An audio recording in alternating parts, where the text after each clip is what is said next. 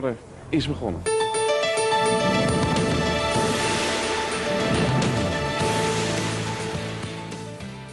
Een groep onbekende Nederlanders betreedt een wit, provisorisch gebouwd huis in Almere. De laatste persoon die naar binnen gaat, zwaait nog even en sluit de deur. Buiten staan Daphne Dekkers en Rolf Wouters live verslag te doen van dit moment. Het is 1999. Ik ben 7 en ik zit samen met mijn broer en mijn ouders op de bank te kijken hoe het allereerste seizoen van Big Brother begint. Langer dan drie maanden kijken we iedere avond samen trouw naar Veronica. Je keek niet met een doel, je keek gewoon. Het amusement, hè? Ik was gewoon benieuwd wat het met mensen zou doen als je opgesloten werd met vreemden. Het waren gewoon mensen in een hok en, en in interactie. Het was leuk om te zien. Als zevenjarig meisje zat ik dus iedere avond gebiologeerd te kijken naar wat mijn vader noemt mensen in een hok en interactie. Te kijken naar hoe een groep normale Nederlanders zich helemaal dood verveelt in een bouwkeet in Almere. Het was het begin van een grote hobby: het kijken van reality tv. De bus hebben we ook nog gekeken. Oh, de bus met Job. Ja, Ja. jij bent de zon. Jij bent de zon. Jij bent de Ja, maar zee. sorry, de, de, Oh, ja. bu- de bus. De bus, bus, de ja. toen woonden ze in een bus. En eh, Gouden Kooi.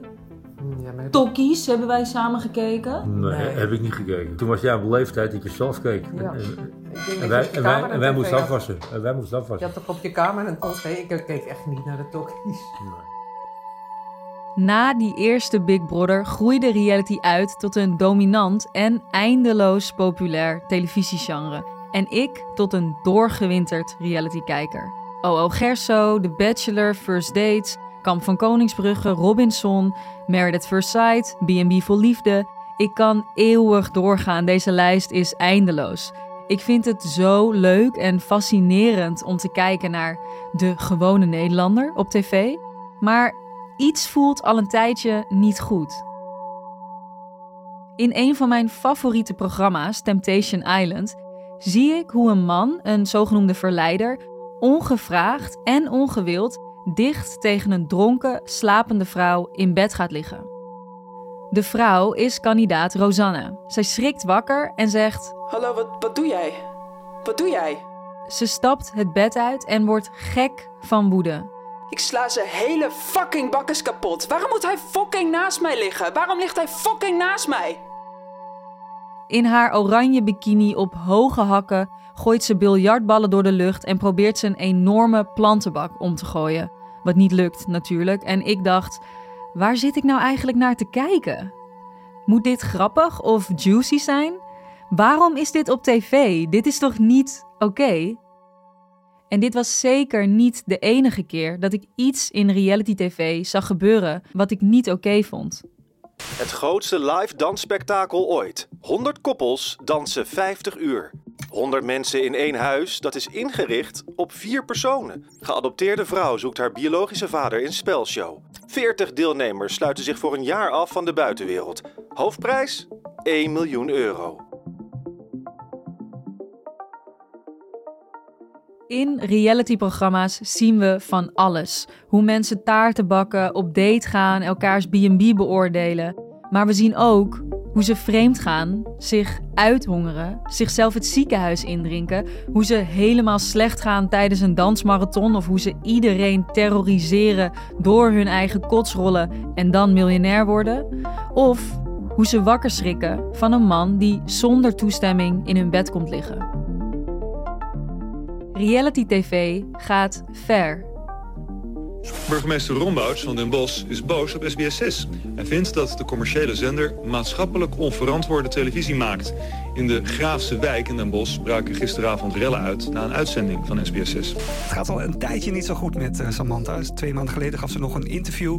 waarin ze zei zich misbruikt en uitgebuiten voelde door RTL. Beschamende vermoeidheidsporno, schrijft NRC. En andere kranten spreken over een veldslag, een langgerekte marteling en een dieptepunt in Talpa's mensonterende reality-tv. Ik heb last van mijn geweten. Ik geniet van reality, maar ik vind het ook nogal grenzeloos. En ik ben niet de enige die dat vindt, want al sinds de opkomst van het genre vragen mensen zich af: is dit wel oké?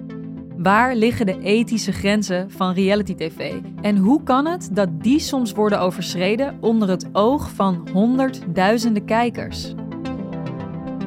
Je luistert naar Hoe Oké is Reality TV, waarin ik, Nikki Koppes, documentairemaker en reality-fan, erachter probeer te komen of ik eigenlijk wel met een gerust hart en kalm geweten kan kijken naar reality-televisie. Om antwoord te krijgen op die vraag duik ik in deze podcast dieper in de reality-wereld. Door in gesprek te gaan met deskundigen, realitymakers, andere kijkers en oud-deelnemers van opzienbarende programma's. Uiteindelijk maak ik de balans op. Geef ik mijn hobby op? Of kijk ik het nieuwe seizoen van Temptation gewoon weer mee? Kan ik reality TV wel met een gerust hart en kalm geweten kijken? Mijn zoektocht naar het antwoord op die vraag begint bij het begin. In deze eerste aflevering, hoe ontstond reality TV überhaupt? Wat vonden mensen er vroeger van? Maar vooral, hoe kon het nou uitgroeien tot een genre met zulke vage ethische grenzen? Tot een genre waarbij ik nu soms mijn vraagtekens zet. Mag ik jullie even storen? Jullie zijn Nederlands, toch? Ja. Kijken jullie wel eens naar reality tv? Reality programma's? Ja, ik zeker wel, ja. Welke, welke Temptation, Ex on the Beach, eigenlijk dat soort programma's. Ik Ja. kijk naar. eh, Love Island of zo is dat ook, toch? Ja, Ja. dat. ik vertrek en ook van eh, de Meilandjes. En waarom vindt u dat leuk? Ja, gewoon de- de- die man. Die man. Martien. Hey, zou ik jullie misschien een vraagje heel kort mogen stellen? Eh kijk jullie... het, over? het gaat over reality televisie. Kijken jullie wel eens iets van reality televisie? Ik nooit. Daar hou ik helemaal niet van. Nee, vroeger Elkaar ook eh, niet. de loef afsteken in zo'n eh, gevangenis, wat ze een Big Brother huis noemen, dat, daar ben ik niet zo van. Nee. Nee? Nee, nee, nee, Nooit. nee, nooit. En u ook niet? Oh, nee, nooit. We maken altijd een Videoland-account aan voor één maand. Als we, dan kijken we alles terug in één keer. En, eh, gratis. Ik kijk soms keeper op met de Kardashians. Kardashians. Oh ja, die moet ik ook nog steeds kijken. ja. ja, Temptation en zo gewoon. Temptation Island. Ja, niet heel vaak. Alleen als ik echt heel brak ben of zoiets. Mijn naam is Linda Duits en ik ben mediawetenschapper, eh, televisiewetenschapper. Ja, dus nu kijk ik Kamp van Koningsbrug, eh, Special Forces Vips, eh Expeditie Robinson, Prince Charming, RuPaul uiteraard, eh, First Dates. Ik kijk naar, eh, dingen als Cooking with Paris, kijk ik graag, met eh, Selling Sunset. De eerste persoon die ik spreek is Linda Duits. Een mede-reality-fan, zoals je hoort. Maar ze is vooral ook mediawetenschapper, gespecialiseerd in populaire media. En meer specifiek gespecialiseerd in reality-tv. Ik ben benieuwd of zij het genre wat meer kan duiden. Dus wat is reality? En hoe ontstond het eigenlijk? Als we even helemaal teruggaan naar het begin. Jij hebt denk ik ook best wel bewust de opkomst meegemaakt van reality. Zeker. Ehm, wat was voor jou echt het begin? Waar is het nou begonnen? Eh, ja, het is lastig om, eh, om, om dat te zeggen. Eh, wordt vaak naar Big Brother verwezen, maar The Real World was natuurlijk eerder een serie van MTV. Dat heb ik toen ook wel gekeken. Maar als wetenschapper kijk ik ook wel hè, dat er al voorlopers waren natuurlijk van reality televisie. Bijvoorbeeld de spelshows die we allemaal kennen, Rad van Fortuin, waarin ook echte mensen zitten. Dat zou je nu we hebben wel, de, de grens tussen spelshow en reality-serie is heel erg klein.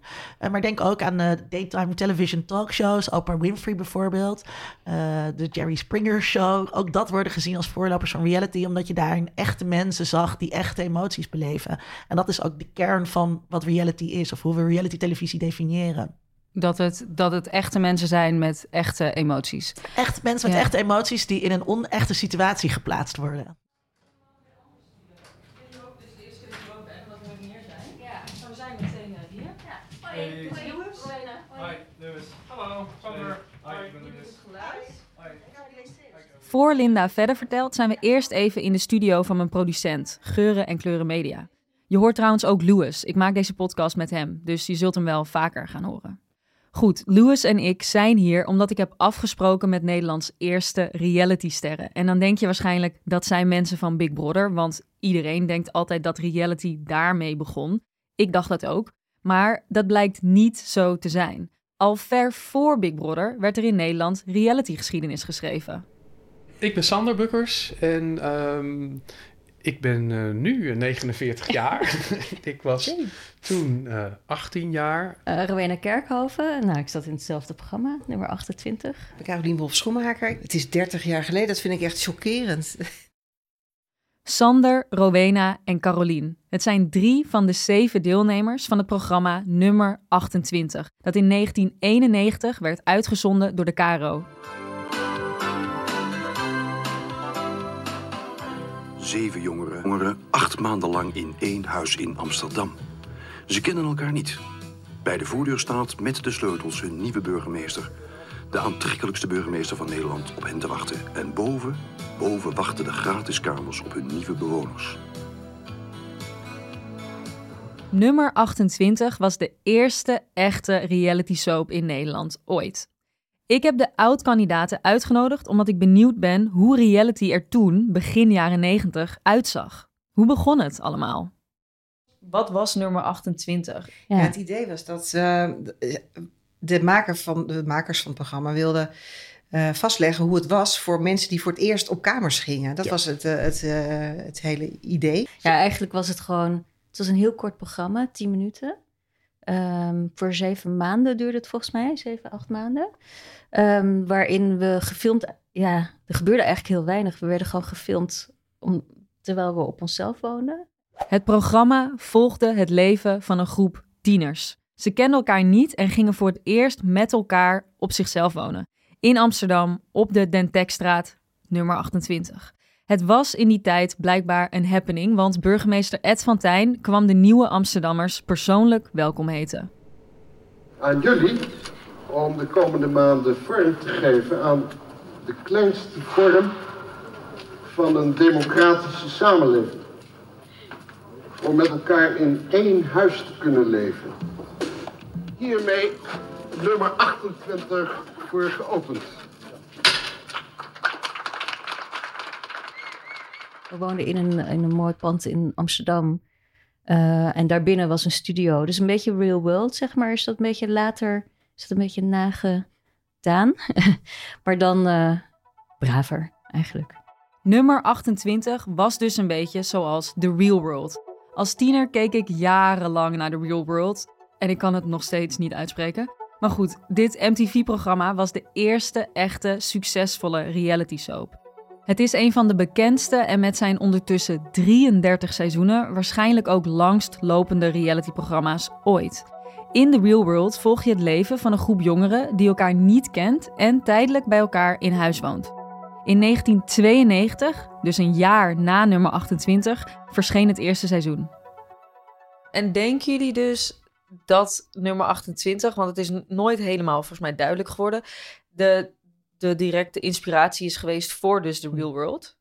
Tja. Het lekker verdacht veel. Nou, ik, maar, ik, het kan bijna niet anders. Maar Erik heeft toch ook nog wel geprobeerd de rechtszaak... Uh... Hij heeft de rechtszaak geprobeerd aan te spannen, maar dat ging op uh, dat er tegen dat er het format verschilde dusdanig dat ze uh, niet, het was geen plagiaat. Dat was bijvoorbeeld dat bij de Real World er vier, vijf camera's, waaronder ook een camera die vast in een ruimte hing.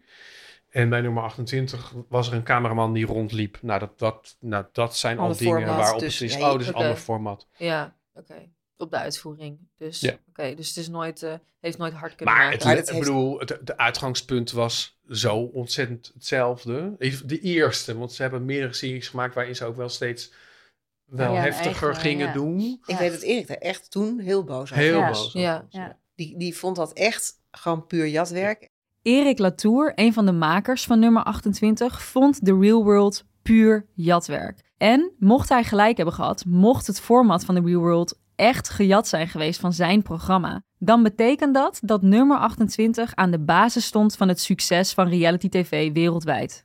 Maar hebben ze het toen ook neergezet als zijnde in die oproep als reality TV? Werd het echt al zo genoemd? Nee, nee dat, nee. dat bestond toch helemaal niet. Nee. Dus hoe wisten jullie dan, wat verwachten jullie er dan van? Nou, en niks een eigenlijk. Een kamer. ja, precies. En in Amsterdam wonen, ja. ja. ja. Het reality tv bestond niet. Dus ja, weet je, je kende dan alleen filmen van TV, ja, tv-programma's, maar je had ook nog nooit gezien dat iemand gefilmd werd. Hoe hebben jullie dat ervaren, dat gefilmd worden? Ja, wat, je, je moet je voorstellen, het is echt een hele andere tijd. Je hebt niemand had een idee van wat de impact ervan zou zijn. Dus een camera en de functie van een camera en wat, die, wat dat doet en wat een impact dat kan hebben, joh, dat wisten wij veel, dat wist niemand. Nu schijnt het zo te zijn dat camera's ongeveer 24-7 aanstaan bij realityopnames. Maar op de Dentekstraat 28 werd maar een paar uur per week gefilmd. De makers legden vooral de dingen vast die je meemaakt als je voor het eerst op jezelf gaat wonen in de grote stad. Dus je zag hoe ze zich gingen inschrijven bij de gemeente, hoe ze stiekem rookten of hoe ze een telefoontikker installeerden.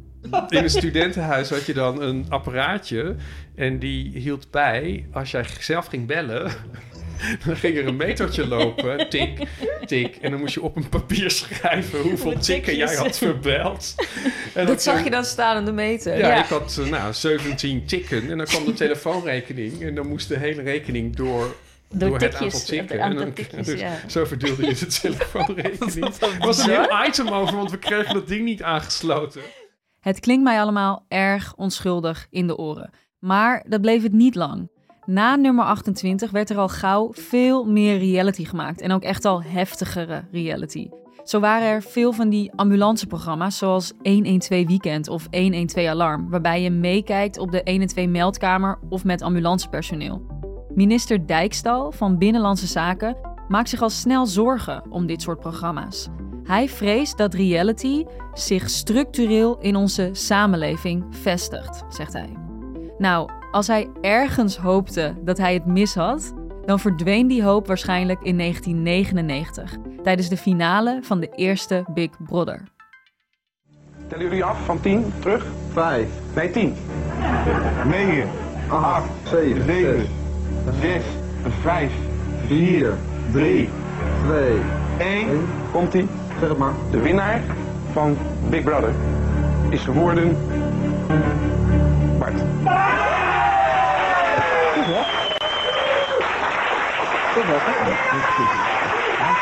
Bart, ik heb de knop weer. Hé, hey, hallo. Nou, nog beeld? Hoe voel je je?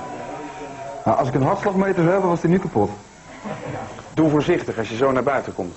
Jij bent een winnaar. Ja. Laat je koffer staan, dan heb je twee handen op te zwaaien. En ik zou zeggen, kom naar buiten, jongen. Okidoki, tot zo. Tot zo. Het is een iconisch tv-moment. Ik weet het nog zo goed. Bart springt in het veld. De winnaar van Big Brother opent de rode deur van het Big Brother huis in Almere. Hij verstopt zich nog even om de hoek, schopt een voetbal naar buiten en rent daarna in zijn gele shirt met zijn armen wijd omhoog de deur uit. Gegil van familie en fans en om hem heen spuit vuurwerk de lucht in.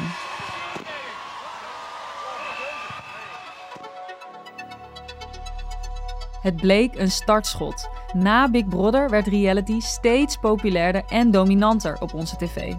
We hebben spelshows, denk aan Heel Holland Bakt of Expeditie Robinson. We hebben de reality soaps, denk aan alle programma's van de Meilandjes. We hebben makeover reality zoals Lelijke Eentjes of Harder Than My Daughter. Er is dating reality, Lang Leven de Liefde, The Bachelor, First Dates.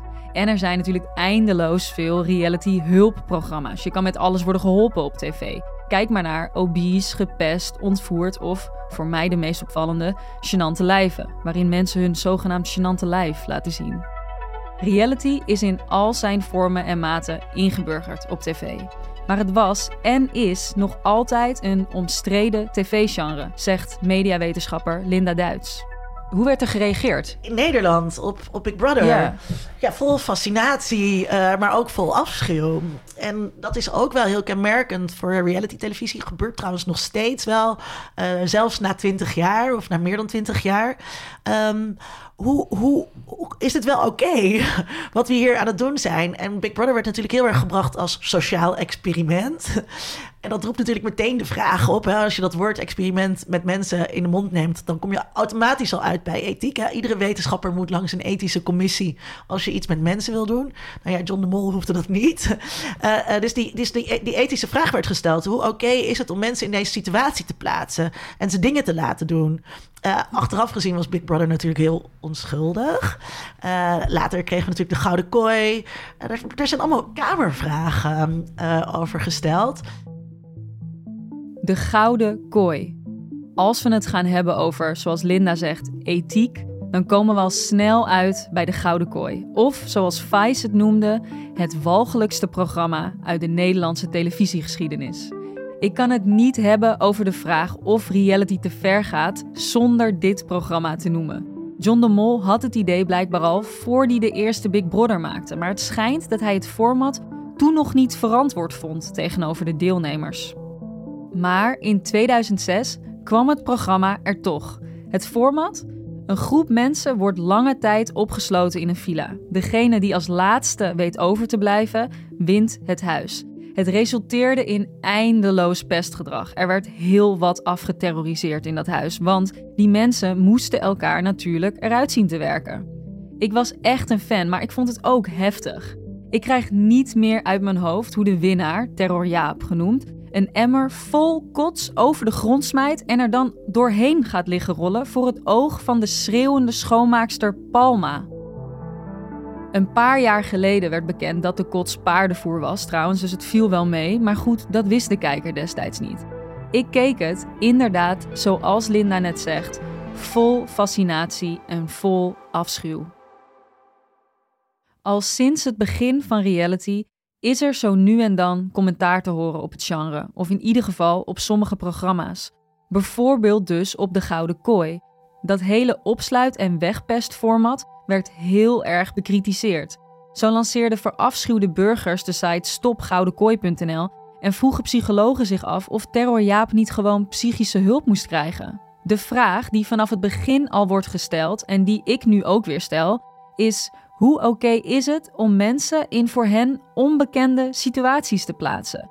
Dus hen te plaatsen in situaties waarvan je niet weet of zij daar fysiek of mentaal tegen bestand zullen zijn. En dan dit alles te filmen en uit te zenden. Daar zit denk ik ook mijn ongemak als kijker, bij dat ik kijk naar andere mensen in situaties waarvan ik zelf soms denk: is dit wel gezond voor hen? Ik had het met mijn ouders over dit gevoel van ongemak tijdens een familiedineetje. En mijn vader was duidelijk. Ik hoef me echt niet bezwaar te voelen. Ik moet eerlijk zeggen, ik vind die mensen die uh, willen graag lekker beroemd worden op een, een goedkope manier. Want die hebben allemaal uh, talent, uh, menstalent, oftewel gewoon de omgang met elkaar, sociaal omgang. En die worden daar nergens in opgeduwd of, of op een strand, doe maar wat. En dan worden ze gefilmd en denken ze dat ze opeens beroemd worden omdat ze, omdat ze op het strand lopen te violen. Reality-deelnemers willen gewoon beroemd worden. Waarom zou ik mij als kijker dan schuldig voelen als deelnemen voor hen heftig blijkt te zijn? Mijn vader is niet de enige die er zo over denkt. Het is een veelgehoord argument in de hele is reality wel ethisch verantwoord discussie. Deelnemers kiezen er zelf voor om mee te doen en zijn dus zelf verantwoordelijk voor de eventuele negatieve gevolgen. Hoezo zou het dan onethisch zijn? Vooral makers grijpen snel terug naar dit argument, vindt Linda er is geen wettelijke bescherming tegen uh, ja, deelnemen aan een experiment. Er wordt, wordt gedacht, als jij daar zelf mee instemt, ja, dan heb je ermee ingestemd en dan, uh, en dan is de kous af. Uh, zijn twee keer uh, misschien wel meerdere keren, maar twee rechtszaken waar ik in heb gekeken. Um, waar, hier in Nederland, waar deelnemers een zaak hebben aangespannen tegen de makers. Omdat ze zich dus on, verkeerd neergezet uh, voelden. En in beide gevallen heeft de rechter toen geoordeeld, die heeft de makers in het gelijk gesteld. Ik heb daar toen een keer een stuk over geschreven voor NRC. Namelijk dat die rechters, die keken naar het eindproduct. Uh, en niet naar het maakproces. En die zeiden eigenlijk tegen die deelnemers: Je hebt toch wel eens reality gekeken, je wist wat je kon verwachten. En dat is dus niet zo, want je weet niet hoe je gemanipuleerd wordt. Dus uh, nou, neem Temptation Island, waar natuurlijk ook veel over te doen is. Um, je kunt wel zeggen, ik, ik kan die test wel aan, maar jij ziet nooit de gesprekken die producenten voeren met uh, de deelnemers. Dus jij weet helemaal niet hoe het is als redacteur Nicky vijf uur per dag met jou aan het praten is. Je denkt dat je vrienden bent met redacteur Nicky en je vertelt van alles uh, aan die redacteur. Over je relatie, over hoe je dingen hebt beleefd. Um, dat, weet, dat, dat zie je niet. En uh, daardoor weet je dus nooit hoe jij gaat handelen in zo'n situatie. Dus dat is heel erg belangrijk. Je kan van tevoren niet weten waarmee je instemt. En dat betekent, hè, als je dat niet van tevoren kunt weten, dan kan je dus eigenlijk nooit wat we geïnformeerd, uh, geïnformeerde consent noemen. Die kan je dus eigenlijk nooit geven, want je bent niet goed geïnformeerd. Volgens Linda kan je als kandidaat nooit precies weten waar je aan begint. Je weet niet wat de maker precies van plan is en hoe jij zal reageren op dat plan. Op de onechte, misschien wel wat gemanipuleerde situatie waarin je terechtkomt. Ik vraag me af, als je dat niet weet, in hoeverre ben je dan als deelnemer zelf verantwoordelijk voor wat je overkomt en hoe je je gedraagt in een programma? Er komt trouwens nog bij dat je als deelnemer, wanneer je toestemming geeft, je contract tekent, ook niet weet hoe je er precies uit gaat komen op tv. Zo vertelt Linda over een kandidaat van Expeditie Robinson. Zij uh, is best wel als bitchy uh, neergezet in de, in de montage. Waardoor mensen soort van zich afvroegen van hoe komt het nou dat zij zo lang erin heeft kunnen zitten. En bij de ontknoping aan tafel vertelde een van die deelnemers ook van ja, maar zij was heel leuk en zij was heel lief en dan zei dit allemaal hele leuke en aardige dingen voor het team. Uh, ja, dat, dat zijn manieren waarop je dus gemisrepresenteerd wordt. En waarmee je dus tot, door, uh, door de makers tot personage wordt gemaakt. Maar vind je dat dan iets kwalijks? Dat mensen bijvoorbeeld anders worden neergezet? Kijk, wat ik geniet onwijs van reality. Ik hou onwijs van reality. Ik ben echt reality addict. Maar je kan gewoon, bottom line, je kan reality niet ethisch verantwoord maken. Kan gewoon niet. Dat, dat gaat niet. Per definitie niet. Uh, en dit is daar één aspect van. Die misrepresentatie is daar één aspect van. En dat is, dat is eigen aan televisie. Ja, makers hebben gewoon andere belangen dan die, dan die deelnemers reality televisie draait niet om het laten zien van de werkelijkheid. dus dat, dat, en dat kan ook al niet. Want op het moment dat je ergens een camera opzet, verandert de werkelijkheid. Uh, is die werkelijkheid niet meer uh, zoals het gaat. Mensen gedragen zich uh, anders. Um, en ook als makers de beste bedoelingen hebben, dan zit daar dus altijd al een mismatch in dat, in dat verschil in belangen. En daarnaast is er een enorm verschil in macht. dus de deelnemers hebben nul macht en de makers hebben alle macht. En uh, het is wat dat betreft heel tekenend ook dat makers zelf zeggen: Ik zou nooit deelnemen. Nou ja, als je dat al hoort, hè, als een arts zegt: Ik zou nooit uh, deze operatie ondergaan, nou ja, dan stoppen we natuurlijk direct ermee. Of dan zetten we daar direct uh, inspecteurs op.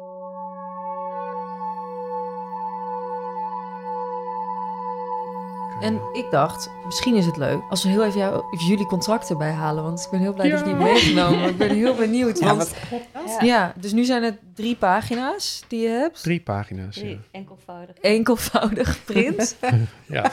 Um, je bent verplicht om je in die periode wekelijks te laten filmen en interviewen.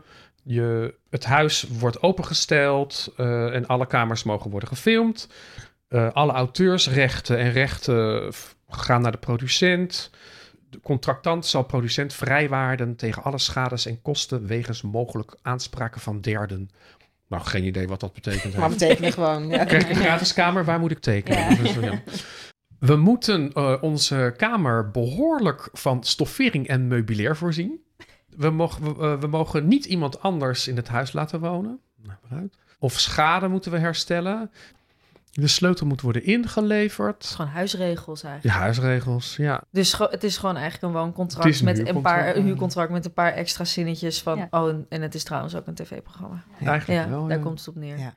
In 1991 tekenden de kandidaten van nummer 28 een soort veredeld huurcontract voor ze mee mochten doen aan het programma. Dat vind ik nu nogal moeilijk voor te stellen, nu deelnemers, als ik de berichtgevingen moet geloven, dikke contracten of soms zelfs zwijgcontracten moeten ondertekenen. Reality is duidelijk uitgegroeid tot een volwassen tv-genre met allerlei ethische haken en ogen.